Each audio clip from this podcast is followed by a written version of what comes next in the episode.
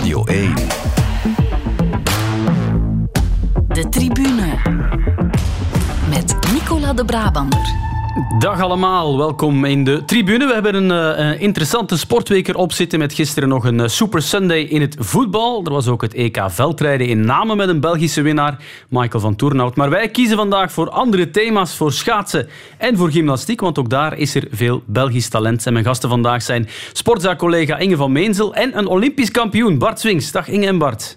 Hey, hallo. hallo Bart, het is voor het eerst dat wij een Olympische kampioen mogen eh, ontvangen in onze studio. Dank je wel daarvoor. Met plezier, ik ben hier heel graag. Ja, hebben we geluk dat we jou tot hier hebben kunnen lokken? Want uh, je leeft zowat halftijds in Nederland, hè? Ja, toch wel een beetje. Um, ik moet zo meteen nog naar Heerenveen rijden, dus ja. dat is toch uh, een hele trip. Uh, maar ja, ik vond het wel eens leuk om langs te komen. Ja, hoe komt het dat je dan in België was? Um, ik had een sponsorverplichting eigenlijk, maar het was eigenlijk geen verplichting. Het was echt een leuk moment. Ik kan er niet even van, van zeggen, maar het was iets met Elio Keijs en dat is, ja, dat is toch wel tof. Dat klinkt inderdaad niet slecht. Maar afgelopen weekend had je wel een schaatswedstrijd in Nederland. Hè? Dus je bent even op en af gekomen. Ja, klopt inderdaad. Um, op zaterdag had ik nog een marathon in Heerenveen. Um, het was een tweede plek. Ik had liever gewonnen, maar uh, ik was er zeker wel tevreden mee. De vorm begint wel goed te komen. Ja. En um, ja, ik was toch even nog een weekend thuisgekomen. Zometeen veel meer over jouw eh, prestaties in het schaatsen. Inge, je bent ook net terug in het land. Je bent pas sinds vanmiddag terug van het WK Gymnastiek in Liverpool. Dat ja, was ook uh, pittig. En, ik dacht, als Bart Swings komt, dan moet ik wel gaan. Want ik kijk uit op sporthal Bart Swings, ja. waar ik woon in Herent. Dat is en wel ik, een, een heel kijk, erg uh, leuk toeval. Ja, ik ja. kijk uit op de turnhal. Dus ik neem af en toe mijn verrekijker om eens te kijken, is daar al talent? Ja, dat is wel, dat is wel tof, hè, denk ik, Bart. Een sporthal uh, genoemd uh, naar jou. Ja, ik vind dat heel cool. Um, ja, veel mensen vragen dan waarom is geen ijsbaan natuurlijk. ja. um, maar eigenlijk past een sporthal wel goed bij mij. Omdat ik, ik hou van, van sporten in het algemeen, van alle sporten. Dus uh, ja, ik vind het echt heel leuk. Inge, het duurde even voor ik je kon bereiken vanmorgen. Want je was op Manchester Airport. Dat is niet de meest oh, plezierige luchthaven nee, ter echt wereld. Niet, echt ja. niet. Wat een hel was dat. Alle, al, onze, al ons materiaal werd dan getest, binnenste buiten gedraaid. En het was heel lang wachten en ik hoorde van verschillende gymnasten dat het echt moeilijk was en lang aanschuiven en heel, heel strenge controle. Ja, en vriendelijk zijn ze daar ook absoluut niet. Absoluut niet. Nee, ja. absoluut niet. Maar ik ben blij dat jullie hier toch zijn geraakt, dus vanuit het uh, buitenland. We beginnen zoals altijd met de momenten van de week en we gaan starten met de keuze van Bart. Paul Onuachu voor zijn uh, negende van het seizoen. Daar is hij. Hard door het centrum. Om maar te zeggen, hij heeft al 12 assists en daar komt de vrije trap. Daar is Onuachu. En daar is de 2-0 als het tenminste geen buitenspel is. Een lage voorzet, doelpunt Onuachu. Het vuurwerk. En er komt er nog eentje bij binnen. Hij komt er nog eentje bij binnen. Paul Onuachu. In 12 doelpunten nu al. Ja, Bart, verklaar. Waarom koos je voor uh, Racing Genk tegen Chadrois en de vier goals van Polo Nwachu? Oh, um, ja, ik ben, uh, ik ben eigenlijk wel fan sinds mijn jeugd van, uh, van Racing Genk. Ook van OHL, dat, dat wil ik er wel bij zeggen. um, maar ja, dat is soms nog not done om voor twee ploegen te supporteren in de voetbal. Maar ja, ik heb voor allebei wel een boontje. En um, altijd van, voor Genk ook geweest. En ja, ze zijn goed bezig. Um, ik ben overlaatst nog naar... Toen was het Genk-Leuven gaan kijken, dus dat was moeilijk supporteren. Ja, wat heb je dan gedaan? Uh, gewoon genoten van de match eigenlijk. En het was een goede match, het was leuk om te zien. En ja, ik, uh, ik vind het wel mooi hoe dat ze aan het voetballen zijn, hoe goed dat ze bezig zijn. Ik hoorde dan ook uh, Wouter Franken in de tribune. Ja. En, en vond ik eigenlijk wel heel tof om die coach bezig te horen. Um, soms ja, heb ik het gevoel bij voetbal dat er toch wat ego's rondlopen. um, maar dat was alles behalve en dat was, uh, dat was heel fijn om te horen. Ja. Ja, hoe komt dat dat je supporter bent geworden van Racing Genk in het verleden? Goh, um, ja, ik denk dat dat het succesjaar was met Wesley Sonk, um, die ploeg. En ja, dat sprak mij toen wel aan. Ik voetbalde toen zelf ook nog ooit. In een verre verleden heb ik ook gevoetbald. En um, ja, dat, dat, vond ik echt een hele mooie ploeg. Hè. Ja, speel je dat nu nog soms, voetbal, of is dat te gevaarlijk? Het is lang geleden, maar ik heb soms nog wel eens uh, zaalvoetbal gespeeld met mijn broer en vrienden. Um, en dat staat op de planning om, om in de sporthal in, uh, om eens te gaan spelen terug. Bart Swings in de Bart Swings sporthal. Ja, dat, dat wordt ik, mooi. ik haal mijn verrekijker boven. je kan ook gewoon gaan kijken in de zaal. Dat is ook waar. Um, Bart, uh, in het stadion zelf gaan kijken, dat is niet zo makkelijk, denk ik. Een abonnement heb je niet, of toch? Nee, ik heb geen abonnement. Um, dus ja, ik probeer eigenlijk voetbal nu, de laatste jaren volg ik dat vooral eigenlijk via podcast. Um, waaronder de tribune. Um, maar Meet Meet 19 Minutes, ik vind het eigenlijk wel een hele leuke manier om uh, sport te volgen. Als je zo vaak lang in de auto zit. Ja, in de auto en op de fiets. Hè. Op de fiets is Juist, dat ja. ideaal ook. Uh, maar uh, ja, Racing Genk en Onuachu. Onuachu in het bijzonder fijne speler, want ja, hij heeft nu alweer 12 goals gemaakt. En weet je wanneer hij zijn eerste maakte van dit seizoen? Ja, ik had er iets na zes wedstrijden of zo. Hè. 1 oktober heeft hij zijn eerste gemaakt. We zijn nu amper een dikke maand verder en heeft er 12 gemaakt. Ja, hij is uh, sterk bezig. En uh, het is goed dat hij niet, niet vertrokken is afgelopen jaar, want dat, dat leek wel zo te gaan gebeuren. Ehm, dus ja, goed voor Genk. Hè. Ja, ongelooflijke reeks. 43 op 48. Voor de vijfde keer herfstkampioen geworden. Dat is twee keer goed afgelopen en twee keer niet goed afgelopen. Geen kampioen. Wat is je voorgevoel nu? Oh, dat is een moeilijke. Um, ja, ik had inderdaad ook gelezen, beste seizoenstart ooit voor de club, zeker. Ja. Um, Negen keer na elkaar gewonnen, ook dat was nog niet uh, gebeurd. Maar ja, met, met die stop nu, niet alleen de winterstop, maar met WK gaat natuurlijk, ja, kan nog zoveel gebeuren, ook, ook met die play-offs. Dus, uh, maar ik ga supporteren sowieso tot het eind. Oké, we zijn benieuwd, uh, Bart. Goed, dan luisteren we naar het volgende fragment. Dat is het moment van Inge.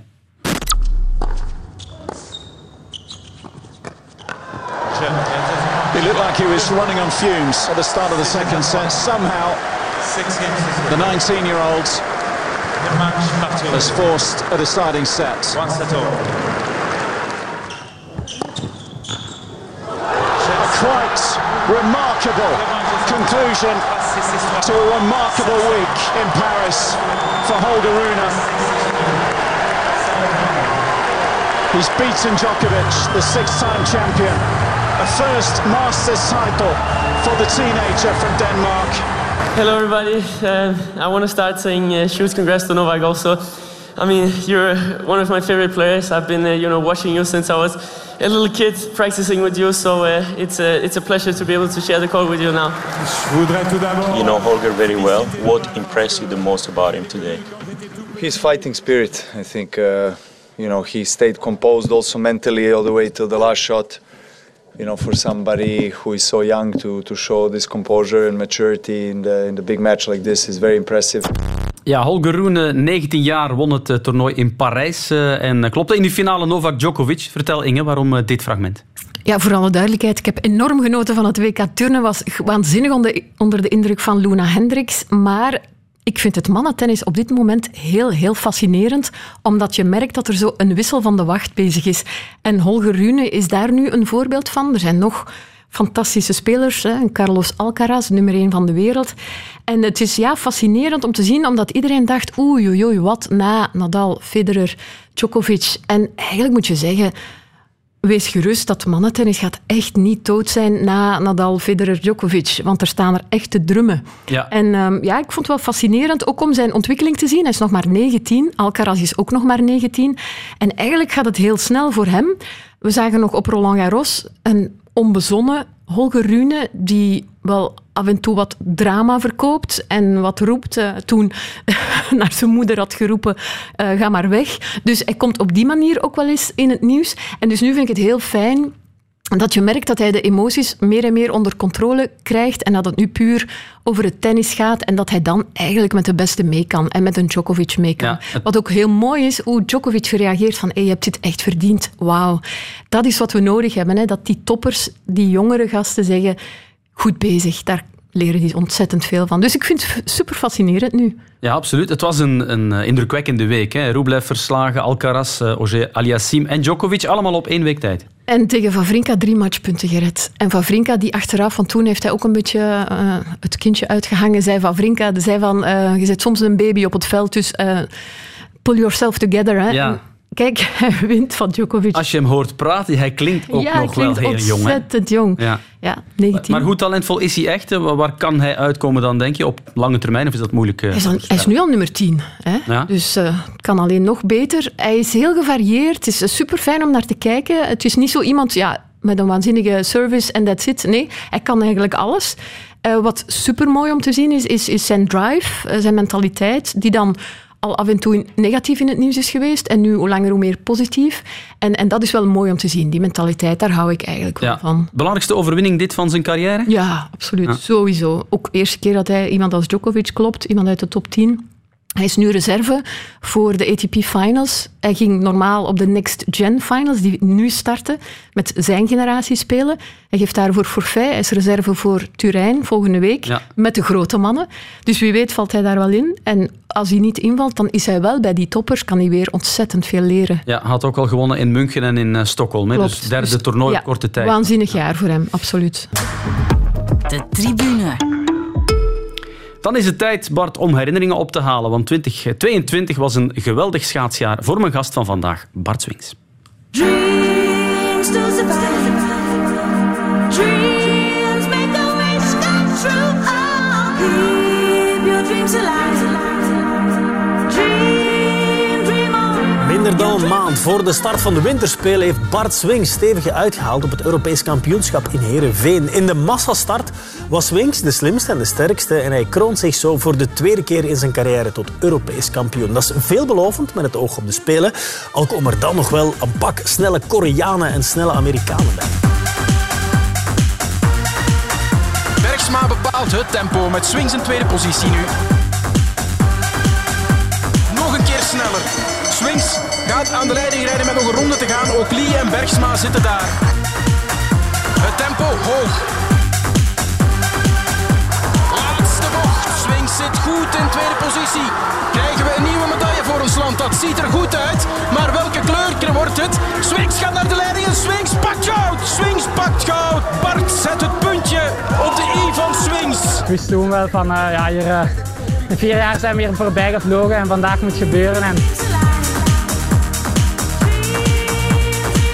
Op het wereldkampioenschap Allround schaatsen in Noorwegen heeft Bart Swings brons veroverd. Na de eerste twee nummers gisteren stond Swings nog op de zesde plaats, maar vandaag won hij de 1500 meter en op de 10.000 meter werd hij tweede. Een montage van collega David Goeman. Krijg je nog kippenvel, uh, Bart, als je dit hoort? Altijd, ja, zeker.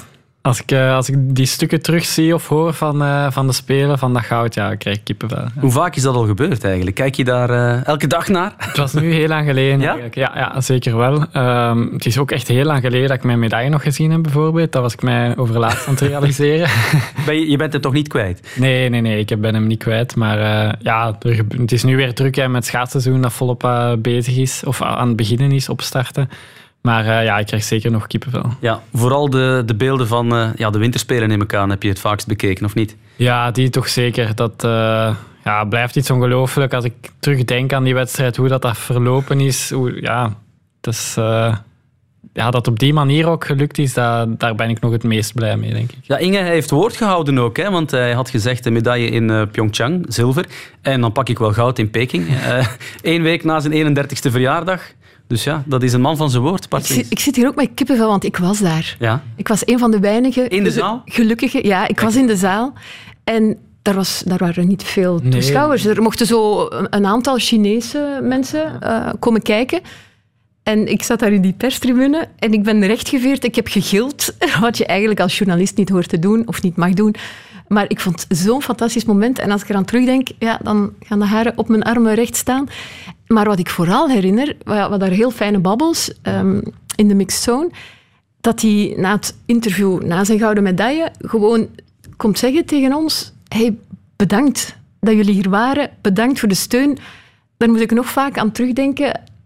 Dat, dat typeert hem ongelooflijk. En dat is, ja, dat is voor mij dan ook de echte kampioen. Vertel Bart. Hoe heb je dat eh, beleefd en, waarom die bedanking? Ik ben nu daar ook wel dankbaar voor. En dat, ja, dat kwam bij mij een beetje vanzelf, maar... De aandacht in de jaren ervoor ook misschien? Um, ja, vooral eigenlijk de, de weken naar, naar, dat, naar het moment waar dat moest gebeuren. Um, ja, toch wel het meest stressvolle moment voor mij dat ik uh, al, al meegemaakt heb. En dan is er gewoon... Ja, je kan als, als journalist of, of als buitenstaander ook de, de hele omkadering rond mij verschillende manieren benaderen. En, en ik heb het altijd heel warm gevonden, de, de interviews die we hadden. En de, het gevoel dat ik ook kreeg, ook het vertrouwen van na elke... Ja, ik heb natuurlijk meerdere wedstrijden daar gereden, um, waar dat ik goede wedstrijden had, ook minder goede.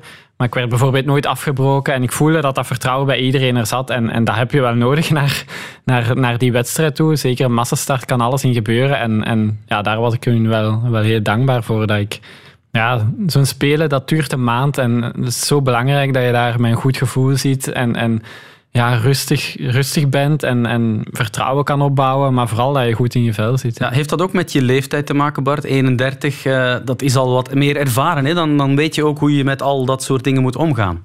Ja, misschien wel, maar ik had dat eigenlijk wel... Ja, elke spelen zijn voor mij zo'n beetje verlopen. Dus uh, op, op elke spelen ben ik gelukkig geweest, zo gezegd. Ik heb zeker kampioenschappen gehad, WK's, EK's, waar dat ik ja, ongelukkig was, niet blij was met mijn prestaties, ook, ook niet goed met de druk kon omgaan. Um, daar heb ik altijd van proberen leren. Um, maar die sfeer op de spelen en, en ja, ik, dat, dat is gewoon heel belangrijk dat je dat op een goede manier kan gebruiken, want het kan ook ja, tegen je werken natuurlijk ja. als je te veel plezier hebt. En hoe heb je dan de, ja, inderdaad. hoe heb je dan de maanden nadien beleefd als Olympisch eh, kampioen? Ja, die waren wel hectisch, dat, dat moet ik toegeven. Um, maar wel, ja, ook echt, echt van genoten. En dat was op voorhand ook wel mijn, ja, mijn, mijn daar wou ik eigenlijk ook zo aanvangen, die, die, die maanden en die dagen, dat ik er echt van ging genieten en dingen doen die ik graag deed en leuk vond. Um, en dat heb ik denk ik ook wel gedaan. Eens een voorbeeld. Um, goh, het eerste dat ik denk ik gaan doen was, was de, of dat ik het beste herinner, was de omloop gaan volgen. Um, dat was heel tof. Ah, en op Roagen natuurlijk. Daar ja. uh, in het stadion gehuldigd, hè? Gehuldigd, ja. ja. aftrap mogen geven. En, en ja, mijn naam door het hele stadion horen scanderen, dat was, uh, ja, daar krijg ik ook nog kippenvel van. Ja, omdat het ja, dingen zijn die, die je zullen bijblijven je hele leven lang. Dat, ja, Mensen die... Er was veel aandacht natuurlijk, maar was dat ook altijd positief? Um, het is eigenlijk altijd wel positief geweest, ja. ja, ja. Niet te druk? Nee, niet te, te druk. Um, ik heb er eigenlijk echt van genoten. Ja. En ik een hele toffe zomer gehad, ook met skieler erbij. Um, daar ook uh, ja, terug echt van kunnen genieten. Door, skieler, uh, door corona was er iets minder, uh, mindere wedstrijden. Maar um, ja, het was, het was echt gewoon een toffe zomer. Ja, ja dat skileren, was dat makkelijk om de switch weer te maken? Ja, bij mij gaat dat heel makkelijk. Dat is echt mijn passie. Um, dat, dat doe ik eigenlijk nog altijd het liefste. Um, en en dan, die switch gaat eigenlijk heel, heel makkelijk. Ja, er waren de wereldspelen in, uh, in de USA. Uh, daar pakt hij uh, vier medailles zeker, hè? Ja, vier keer goud. Ja, ja, ja vier keer goud. Belangrijk. twaalf medailles in totaal op drie verschillende wereldspelen, denk ik. Als ja, goed heb gerekend. Want het is moeilijk bij te houden, Bart. Je, je wint veel. ja, sorry. Nee, dat is goed, hè? Nee, ja, ik, ik, ik Hoeveel medailles weet ik niet zeker. Ja, acht keer goud. Acht keer dus, goud op drie verschillende ja, wereldspelen. Ik dacht twaalf in totaal. De meest succesvolle atleet in het skileren op de wereldspelen. Mm. Dat is ook al iets om trots op te zijn. Ja, daar ben ik zeker trots op. Um, en, en dat dan ook nog in een Olympisch jaar doen. Um, dat, uh, ja, ik ben daar heel, heel blij mee. En, en zeker ook dat ik dat ja, voor het skileren ook kan doen. Want er zijn heel veel jongens die de switch maken, maar die, die eigenlijk stoppen met skileren. Um, en ik, kan ja, ik heb nu getoond dat het allebei samen kan en dat is tof. En er was ook nog een EK in september waar je ook weer drie keer goud pakte. Ja, ja, dat was echt uh, ja, ook een beetje om mijn ploeggenoot, Jason Suttles, die, die volop skilert, um, ja, te ondersteunen. En ook, ja, we trainen dag in dag uit. En, en hij heeft eigenlijk de, de plek op de World Games had hij voor mij vrijgereden. Dus ik ben in zijn plaats mogen gaan. En dan, dan had ik wel iets van, oké, wil ik terugdoen? Ik wil samen met hem op TK staan. Hij is ook Europees kampioen geworden. En dan, uh, ja, dat was... Uh, dat was een hele mooie EK ook. Ja, dat is een knappe wederdienst. Bart, het schaatsseizoen is intussen inderdaad opnieuw begonnen. Wanneer ben jij er terug ingevlogen, wat het schaatsen betreft? Um, ik denk rond augustus, 5 augustus denk ik, was de eerste keer dat ik weer op het ijs stond. Het kon ook niet heel veel vroeger hoor, een paar weken misschien. En um, ja, dat stelselmatig opgebouwd. En nu ben ik volledig weer uh, in wedstrijdritme. De eerste trainingswedstrijden zijn geweest, um, ook de eerste marathons. En dit weekend komt uh, de eerste wereldbeker eraan. Ja, je bent ook een weekje ziek geweest, dacht ik, in de opbouw. Was ja. dat een, een storend element of viel dat wel mee? Dat viel op zich wel mee. Het jammer was vooral, of ja, daardoor heb ik een aantal trainingswedstrijden moeten, ja, moeten schrappen. En iets later aan mijn aan testwedstrijden, zoals ze zeggen, begonnen. Um, maar ik denk niet dat dat me echt uh, ja, een groot nadeel gaat zijn. En ergens ben ik ook wel blij dat ik die ziekte alweer erop zitten heb. Um, iedereen wordt wel eens verkouden in de winter. En um, ja, dat zit er alweer op. Absoluut. Uh, de eerste wereldbeker komt er deze week aan. Woensdag zeg je, vertrek je, dacht ik? Ja, klopt. Woensdag ga ik naar Stavanger. Ja. Um, vrijdag is, beginnen we met de 1500 meter. Zaterdag massastart, zondag 5 kilometer. Dus. Oké, okay. en, en de rest van dit seizoen, wat zijn jouw voornaamste doelstellingen nu? Ja, die eerste vier wereldbekers ga ik echt gebruiken om, om een beetje wedstrijdritme op te doen en te groeien door het seizoen. Het is ook wel een drukke zomer geweest, dus ik besef ook van mezelf van, ja, we gaan niet meteen de, alle druk op die eerste wereldbekers zetten. Ehm, waar ik echt goed wil schaatsen en op niveau wil zijn, is het EK. EK Allround, Hamar, Noorwegen. Begin januari. Ja, klopt. Ja. en in een post-Olympisch seizoen, Bart, uh, heeft het daar ook mee te maken dat je jezelf misschien iets minder druk oplegt? Omdat dat ja, zwaar is geweest, inderdaad, dit ja, jaar? Ja, um, ja, ik denk vooral door, door wel een drukke zomer. Um, normaal gezien ben ik daar niet zo echt mee bezig van ja, het is post-Olympisch, dus minder belangrijk. Dat, ja, voor mij is elke wedstrijd belangrijk en wil ik mezelf tonen en zo goed mogelijk presteren. Um, maar ik weet nu gewoon, ja, het is, het is niet, niet ja, elke week volle focus geweest op het ijs. Er zijn uh, dingen die erbij gekomen zijn. Um, en nu is het voor mij ja, ja, de moment om elke maand eigenlijk te groeien naar, ja. naar de, de, wedstrijden toe. Ja, Inge, augustus weer beginnen schaatsen, maar ook nog een EK skiler in september. Blijft wel uh, indrukwekkend, toch? Ik vind het ongelooflijk hoe dit dat blijft combineren, maar uit alles wat hij hier vertelt, voel je die passie. Ja, als je en, naar zijn ogen kijkt, wow. als hij over dat skileren vertelt, is, dan is het een andere lach dan als hij over het schaatsen vertelt. Exact, en dat is het allerbelangrijkste. Daarom is het voor hem geen opgave en geniet daarvan. Ja. En daarom presteert hij ook. Ja. Het is allemaal heel simpel eigenlijk. Hè? Ja, eigenlijk wel. Ja. Uh, wat betekent uh, een post-Olympisch seizoen voor de concurrenten, Bart? Uh, zijn er anciens die twijfelen of ze nog doorgaan? En wat eigenlijk met Niels van der Poel? Is dat afscheid definitief? Ja, de afscheid is denk ik wel de definitief. Dat blijft toch een strafverhaal, ja, 25 jaar. Ja, ik vind het ook heel speciaal dat hij, dat hij stopt en ja, twee jaar zo gepresteerd, is, gepresteerd heeft. Um, maar ik las nu ook door de, de zware trainingsarbeid dat hij een operatie aan zijn heup nodig heeft en zo. Dus het, is, uh, het heeft op hem ook wel een impact gehad, uh, zijn trainingsschema. Um, maar ja, het is jammer dat hij er niet meer bij is. Dat vind ik vooral het jammerste. Ja, ja zijn er nog uh, jongens die, die twijfelen of waarvan je weet... Ja, okay, Kramer die... is gestopt. Ja. Dat gaat ook wel toch anders zijn. Zeker voor de Nederlandse schaatsfans. Um, ook al was hij afgelopen jaar misschien niet meer de, de allerbeste Kramer. Um, maar het is toch jammer dat hij er niet meer bij is. Ja, en Van der Poel, het is niet dat je hem gaat bellen, hè? toch nog doorgaan? Nee, ja. Ik heb, hem, ik heb hem een paar keer geïnterviewd ja? in Peking. Dat is een fascinerende man. Hè. Die is ongelooflijk intelligent, is ook een echte filosoof.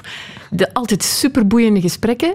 Uh, dus eigenlijk verlies je wel een, een, een interessant figuur ook. Ja, ik denk dat dat zeker jammer is. Hij heeft de laatste twee jaar ja, was hij echt een figuur inderdaad in schaatsen. En dat, gaat, dat gaan we zeker wel missen.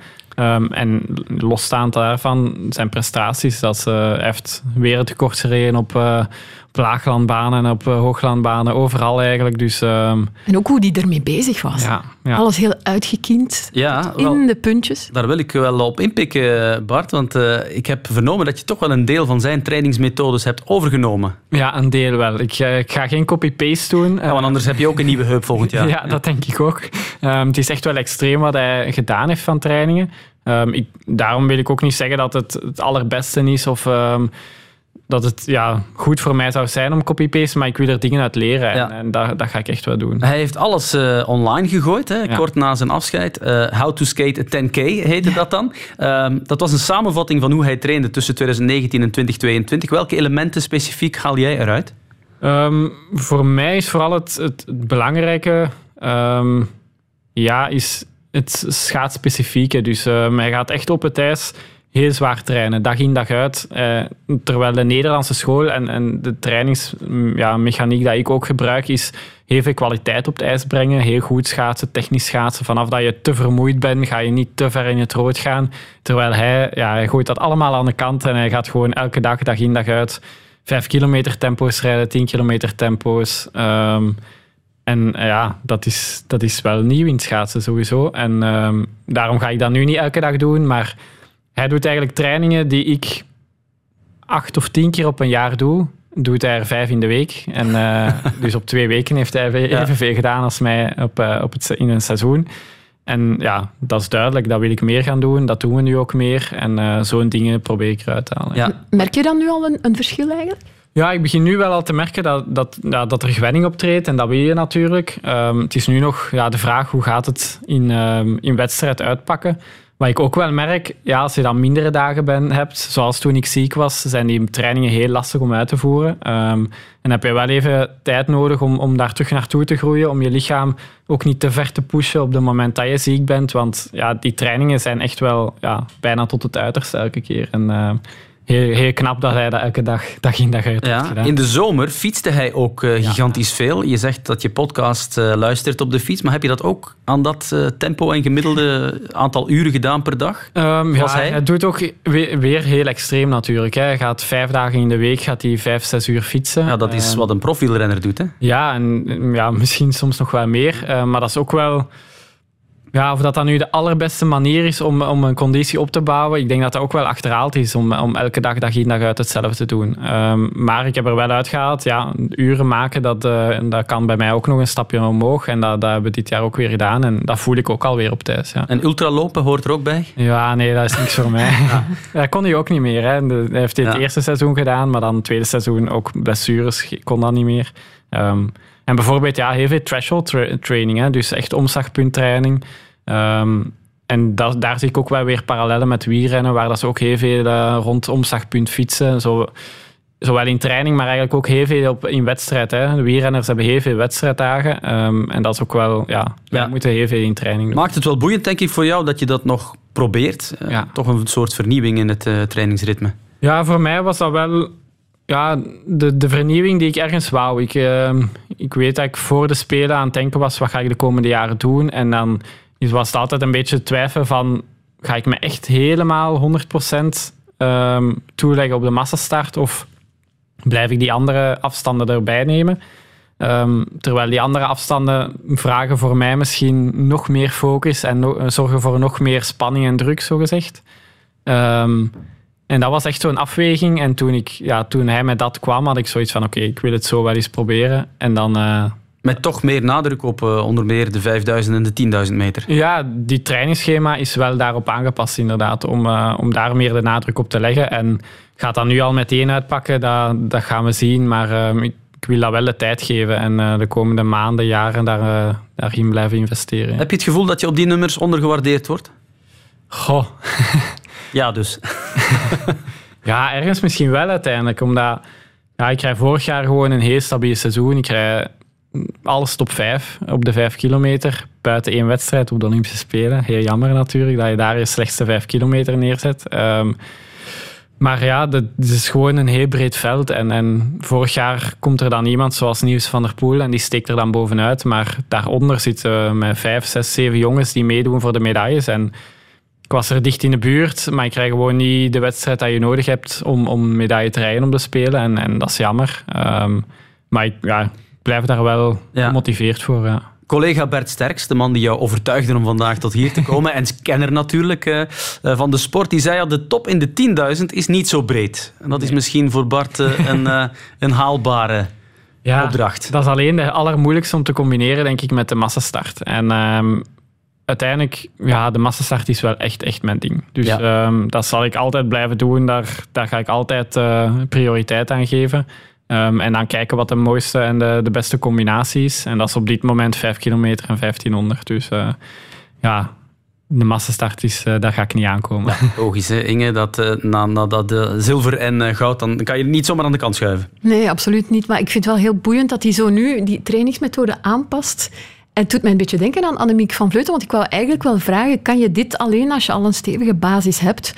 Zo'n zwaar trainingsvolume, je ziet dat bij Annemiek van Vleuten, die zei, het is niet de bedoeling dat iedereen gaat kopiëren wat ik doe, want ik kan dit aan, maar dat is omdat ik zo'n zo basis heb en iets later ben begonnen ook. Ja, dat denk ik wel. Um, we doen het ook echt met, met, met de ploeg, Team ICO ook de jongere jongens volgen al iets meer dat schema, maar bij hun is het iets beperkter natuurlijk. Um, zij zijn 20, 21 jaar, ja, dan, dan moet je mee oppassen. Je moet echt ja, die basis laten groeien. En ik heb er wel wat trainingsjaren op zitten, dus... Um, en ik ben ook wel gewoon vanuit het skieler om heel intens, heel zwaar te trainen. Dus um, voor mij is deze wel ja, een nieuwe impuls dat ik leuk vind en, en dat ik ook gewoon ben vanuit het skileren. Doet zijn ambitie, hè? Ja, over ambitie gesproken, Bart. Uh, ik heb je al een paar keer horen zeggen, ja, ik bekijk het jaar per jaar. Ja. Uh, 2024, maar de winterspelen, de volgende 2026, is dat echt nog te ver om te zeggen, ik, ik blijf doorgaan tot dan?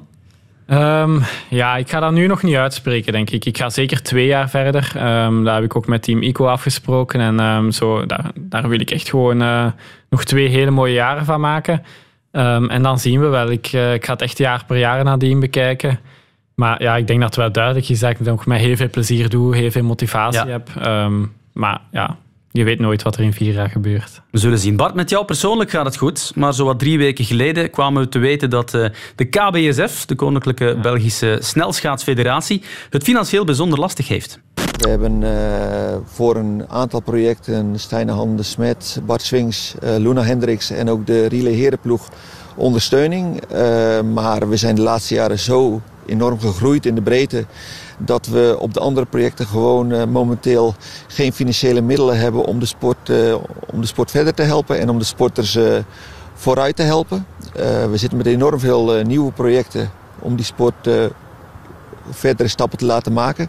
En daarvoor zijn we hard op zoek naar sponsors en commerciële middelen. En daar is het vandaag een hele lastige situatie. Ja, we hoorden Cornele Poeter, eh, Bart. Um, er is alleen geld om jou naar de wereldbekermanches te sturen. Andere snelschaatsers zoals Sandrine Tas, Matthias Vosté, die vallen momenteel uit de boot, moeten eigenlijk de eigen uh, middelen aanwenden. Hoe bekijk jij dat? Ja, dat is sowieso heel jammer voor de sporters. Hè. Dat, uh, dat vind ik super jammer. Um, maar ja, de, de bond is op zoek naar sponsoren. En, en dat is echt een heel moeilijke periode op dit moment, denk ik, met, met de crisis op alle vlakken. Um, dus ja, ik hoop natuurlijk dat die sponsoren wel komen. Vooral voor Matthias, Sandrine en, en nog heel veel andere talenten dat we ook wel hebben. Um, en ja, ik snap ergens ook wel, ja, Topsport Vlaanderen, die, zij moeten altijd de keuzes maken tussen welke atleten gaan ze wel ondersteunen en niet ondersteunen. Dus er is op dat vlak niet veel anders dan andere jaren. De, de keuzes die Topsport Vlaanderen maakt, die, die, zijn gewoon zo. En, en ja, ik ben altijd enorm uh, tevreden geweest en, en uh, blij geweest met de steun die we krijgen. Um, en nu, ja, nu is het hopelijk dat we, dat we terug iets meer steun krijgen naar volgend jaar, de andere atleten, en dat er sponsoren op afkomen. Heb je een idee of er reactie gekomen is op deze oproep van een paar weken geleden? Goh, um, geen idee eigenlijk, maar ja, ik denk ergens wel. Ik denk wel dat dat opgevangen is. En ook bij de, bij de individuele sponsoren. Um, ik weet eigenlijk niet of ik die dingen mag zeggen.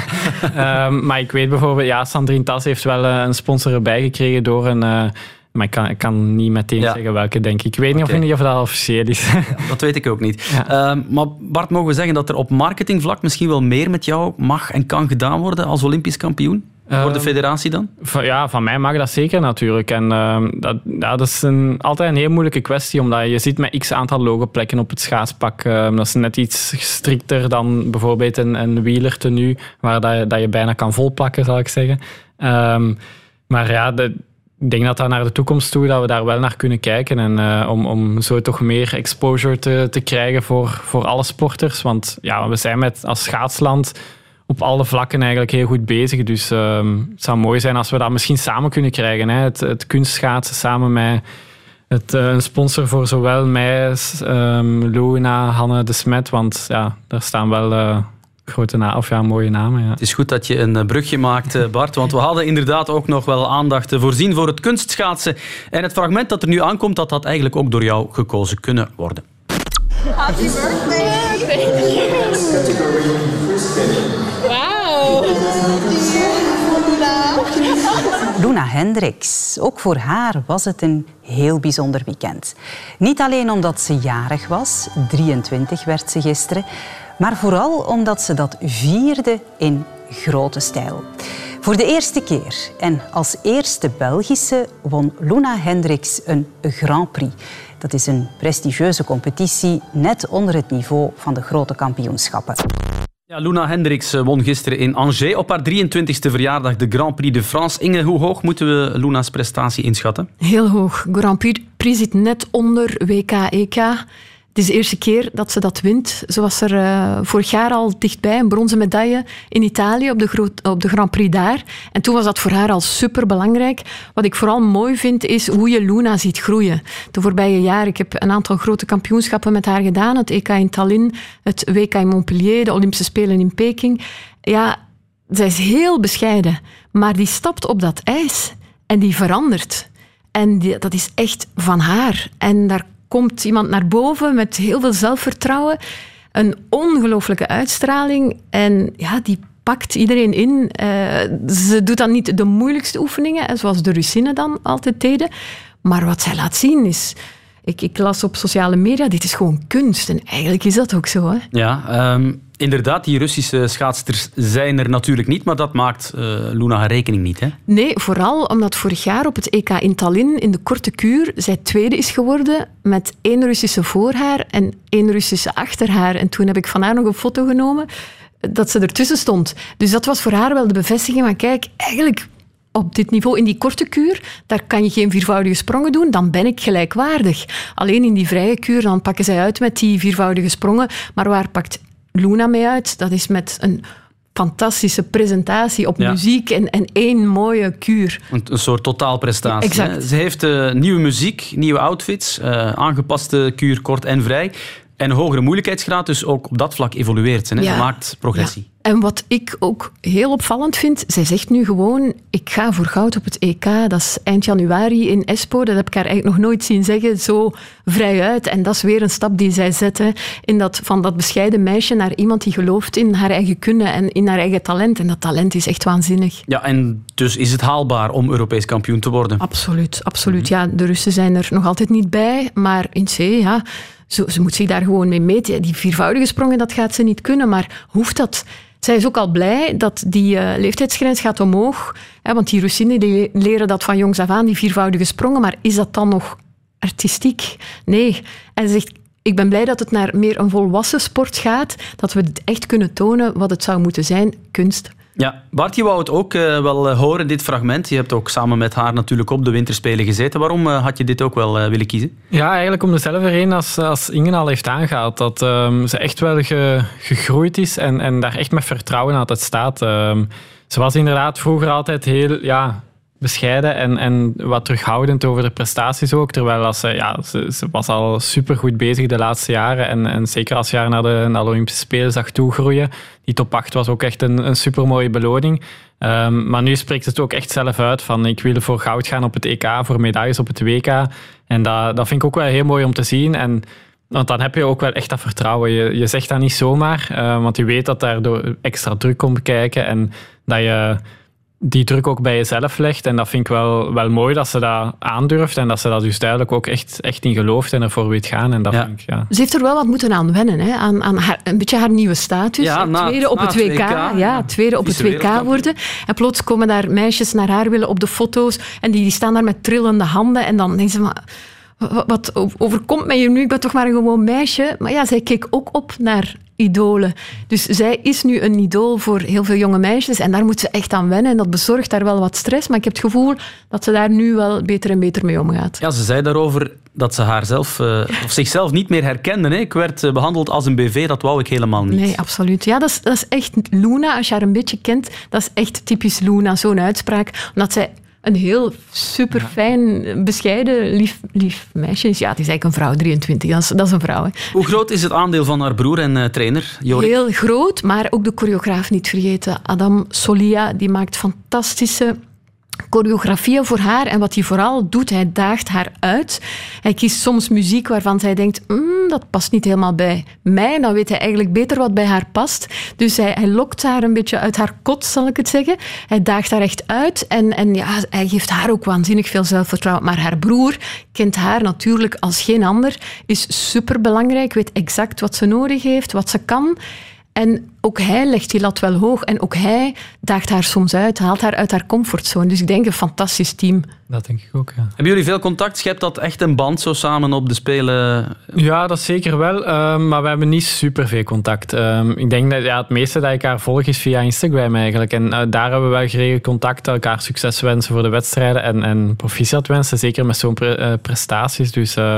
Ja, ik vind het echt prachtig wat ze aan het doen is. En begrijp je dat, dat ze daar moeite mee had met die gewijzigde status? Is dat bij jou ook uh, een issue geweest in het verleden of was het minder? Um, uh, een issue, dat valt wel mee, maar ik snap wel ja, uh, wat dat ze bedoelt. Want dat kan zeker overweldigend aanvoelen. En um, ja, voor haar is het ook heel plots gekomen natuurlijk. Hè. Afgelopen jaar met die prestatie op de Olympische Spelen, dan ja, zo'n Olympische Spelen, die eerste Spelen, verandert echt heel veel. Dat, uh, dat heb ik zeker zelf ook meegemaakt. Ja. Waar kan ze tot slot nog beter in worden, Inge? Ja, ik zou zeggen nog, nog wat meer moeilijkheid, maar dat vraagt nog, ja, nog meer doorgedreven training. Qua uitstraling, qua het artistieke, dat zit fantastisch goed. Dus gewoon stap voor stap nog aan de details werken, denk ik. Oké, okay, we zijn benieuwd. Ze heeft zichzelf en ons in elk geval al heel wat uh, mooie momenten bezorgd. De tribune. Dan gaan we het over het eh, WK gymnastiek in Liverpool hebben. Inge en wie anders dan toptalent Nina Derwaal bezorgde België daar een medaille. Het ziet er allemaal heel goed uit.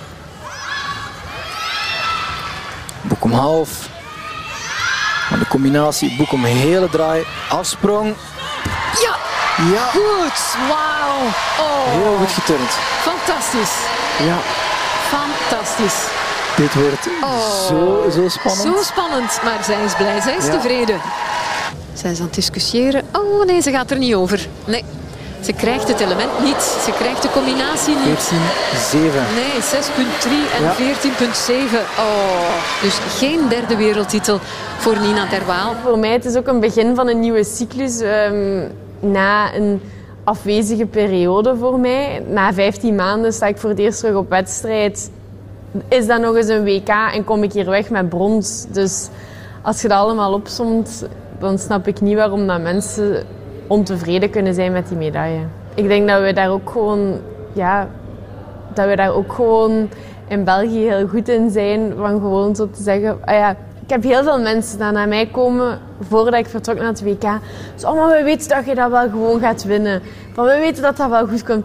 Ik zei in mijn eigen van, nee, dan ken je de sport niet en dan weet je niet waar dat ik mee bezig ben. Ja, Nina Derwaal met WK-brons op haar favoriete onderdeel De Brug. We hoorden jou, Inge, en eh, Dennis Goossens. Jouw, eh, Heel enthousiast. Ja, maar goed, eh, dat mag.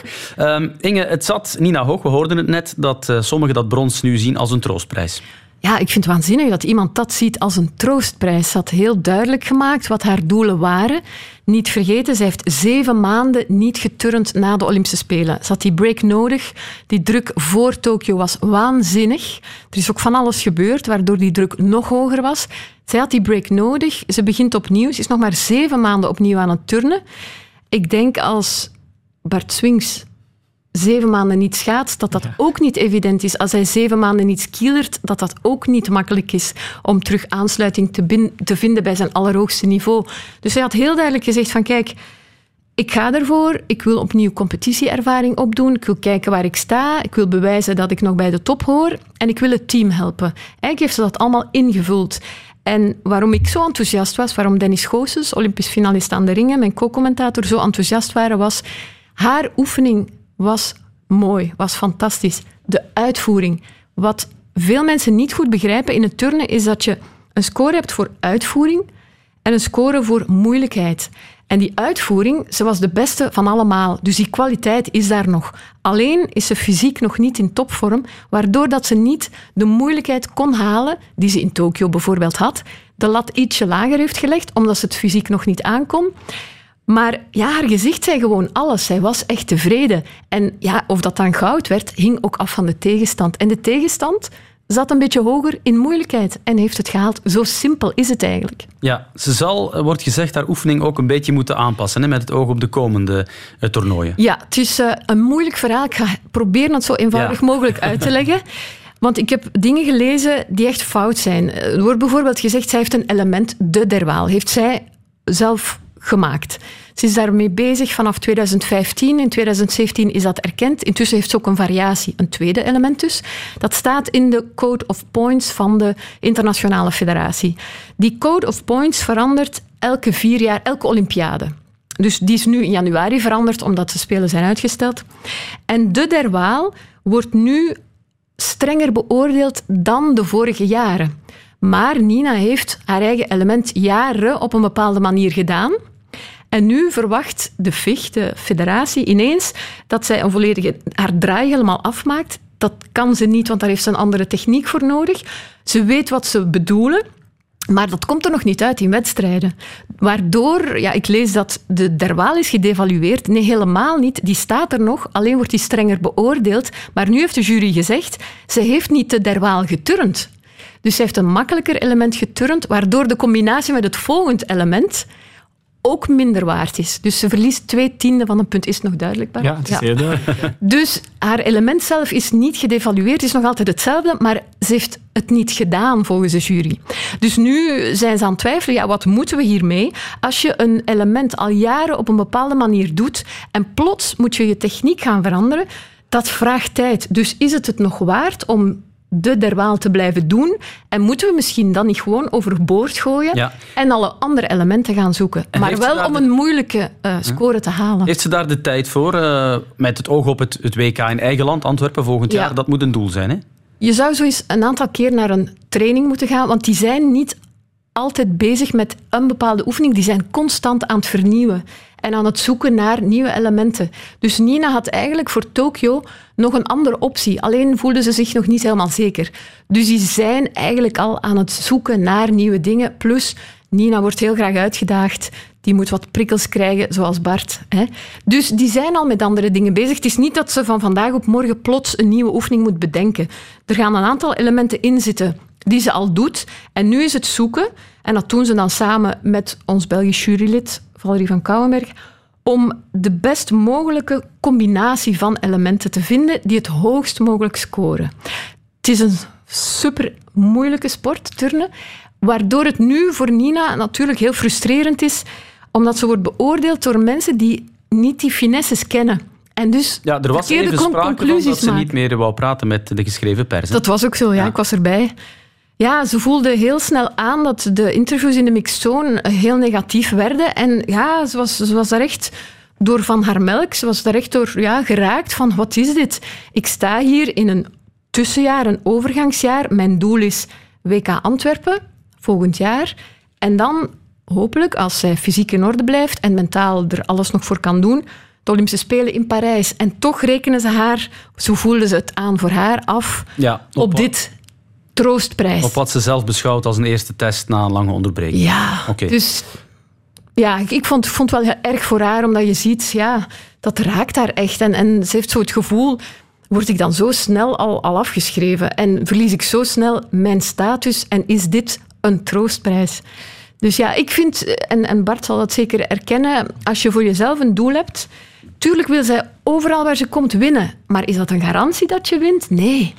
Nee, ja, ik snap, ja, ergens vind ik dat ook wel heel jammer dat je, ja, als je je eigen doelen behaalt, dat dat dan als troostprijs, ja, je kan ook niet iemand, eh, zogezegd, ja, ehm, een slecht gevoel inpraten van zeggen, je moet hier ontgoocheld mee zijn. Als je zelf een bepaald doel hebt en je gaat daar vol voor, voor dat doel en je haalt dat, ja, dan, dan, dan Ja. is het dat. En Ja, dan, en- dan en- ben je- ben je als atleet tevreden en dan weet je, oké, ik ben op dit pad bezig. En meestal heb je, ik heb dan een vierjarenplan. Zij heeft dan nu haar plan tot, tot Antwerpen om daar, eh, daar zo goed mogelijk te staan. En, en ja, dat heeft, ik denk dat ze goed op weg is, al sinds. Zij heeft gewoon een doel. En ja, er wordt wel eens gezegd, als je zeven maanden oud bent geweest, heb je dubbel zoveel tijd nodig om terug te keren. Ja, dan kan ze niet op zeven maanden Nee, dan is. Antwerpen een eh, betere Absoluut. referentie wellicht. Eh, nog even over de teamcompetitie, eh, Inge. Eh, dat hebben we vorige week al even aangehaald bij Jonathan.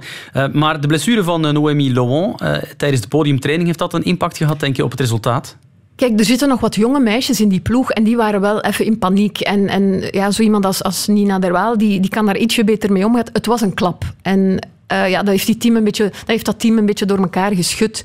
Dus dat heeft wel een impact gehad. En dat is het leerproces, maar dat zou geen excuus mogen zijn. Ik denk, wat hier gebeurd is, ehm, is beter kon eigenlijk niet. En dat is op dat moment was dat iets negatiefs en was het een ontgoocheling.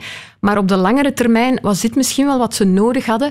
Even weer met de neus op de feiten gedrukt. Een soort wake-up call van... Oké, we waren vijfde in de kwalificaties van de Spelen. Als team, waanzinnige prestatie. Teamfinale. En nu halen ze de teamfinale niet op het WK. Terwijl ze eigenlijk dachten, dat halen we. Ik heb ze zelfs horen zeggen, het was zelfs niet Nina, het was Lisa Valen, die zei, we gaan voor top drie. En enerzijds dacht ik, yes, dit is fantastisch, dat ze geloven dat ze dat potentieel hebben. En dat is ook zo. Maar dan moet je er ook naar werken, voorwerken. En nu hebben ze beseft, oké, we hebben dat doel al met het team. Eerst was er het doel voor Nina Derwaal, nu is er het doel voor het team. Maar oh, zoals we nu bezig zijn, Ja. was niet oké, want ze hebben dat tipje wel gehad na die Spelen. Ja, niet bij de beste acht landen ter wereld in de teamcompetitie, maar er waren wel een paar individuele uitschieters, zoals bijvoorbeeld de prestatie van eh, Lisa Valen. Deze Lisa Valen is het andere Belgische lichtpunt. Zesde in de finale op sprong en ook elfde in de allround finale. Hoe voelt het elfde van de wereld zijn? Speciaal. ik had het niet verwacht, want ja, ik was 15 of 16 gekwalificeerd. Dus ik ben blij dat ik toch een paar plaatjes omhoog ben. Een knappe prestatie en ze kan volgens Uls nog meer. Al zal het dan vooral van haarzelf moeten komen. Faut vraiment qu'elle prenne confiance en elle et qu'elle aille avec un peu plus d'ambition sur les compétitions parce que elle vient un petit peu pour voir encore. Et il faut qu'elle a maintenant, si elle a envie, parce que c'est elle, c'est son projet, il faut que si elle, réalise qu'elle peut faire plus et qu'elle y, qu'elle y croit vraiment et qu'elle a envie de le réaliser, elle peut faire encore de très belles choses. Ja, even kort uh, vertalen misschien, Inge. Ze moet nog net iets meer focus en ambitie aan de dag leggen. Wil ze nog verder geraken? Ja, ze moet nog iets meer zelfvertrouwen krijgen, want het talent dat heeft ze, dat staat buiten kijf. Uh, sprongfinale op een WK, waanzinnig, zesde geworden. Dus mm -hmm. dat betekent dat ze in die finale niet bang was. He, ze, ze was er als achtste ingekomen. En als haar tweede sprong nog iets moeilijker kan doen, dan kan ze nog stijgen. Allround denk ik dat ze ook echt hoog kan geraken. Top 6 misschien. Top 6, dat is iets wat Nina Derwaal ook al een paar keer heeft gehaald. Dus uh, ik denk dat stilaan wat Nina in overvloed heeft, geloof in eigen kunnen, dat dat afstraalt nu. Niet vergeten dat Lisa nog maar 18 is. Redelijk laat in het topsportcentrum in Gent is terechtgekomen en nu pas echt tot ontbolstering komt. Op het EK in München nipt op 16.000ste van een punt van brons. Dus het was wel een eerste stap in een team zonder Nina Derwaal. En nu, uh, ja, ik geloof heel veel in, in Lisa Valen. Die is ook heel belangrijk voor het team. We, wa we waren zelfs met twee in die allround finale. Ook Maëlys Brassard. Ja. Die was als reserve opgepikt. Knap vijftiende geworden. Dus die twee hebben zich na de kwalificaties supergoed herpakt. En dat is dan weer belangrijk voor heel dat team. En dat zijn de lessen voor mij uit dit WK richting volgend jaar. Want dan voor eigen publiek dan willen ze staan. Oké, okay. er was ook een uh, jongens- en mannenteam aanwezig. Hoe komt het eigenlijk, ze werden nu zestiende, hoe komt het eigenlijk dat dat contrast er is tussen de dames en de, en de mannen, dat die achterstand er is? Is dat echt een kwestie van de investering die misschien ja, minder was? Ja, ik wou het wel zeggen, inderdaad, want er is veel meer geïnvesteerd. Er zijn veel meer middelen voor het vrouwenturnen dan voor het mannenturnen. Waarom en, eigenlijk? Ja, omdat, ja, het is iets wat, wat uh, Sport Vlaanderen... Ja, ze investeren in mensen die al gepresteerd hebben of die presteren. Maar daarachter zit nog een hele hoop die ook willen groeien naar die topprestaties, maar de middelen niet hebben. Kijk, en Luca van de Keibus stond in de finale allround op dit WK. Die heeft aan crowdfunding moeten doen. En ik, ik vind dat zo erg om te kunnen turnen. Op dit niveau, ja, dat is toch onvoorstelbaar. En oké, hij komt nu wel rond... Maar het is dankzij crowdfunding. Dat zou toch eigenlijk niet mogen, hè? Ja, dat is zot eigenlijk. Hè. Ik denk dat Matthias Verstee inderdaad ja, ook, uh, zelf mee bezig is. Ja. -hmm.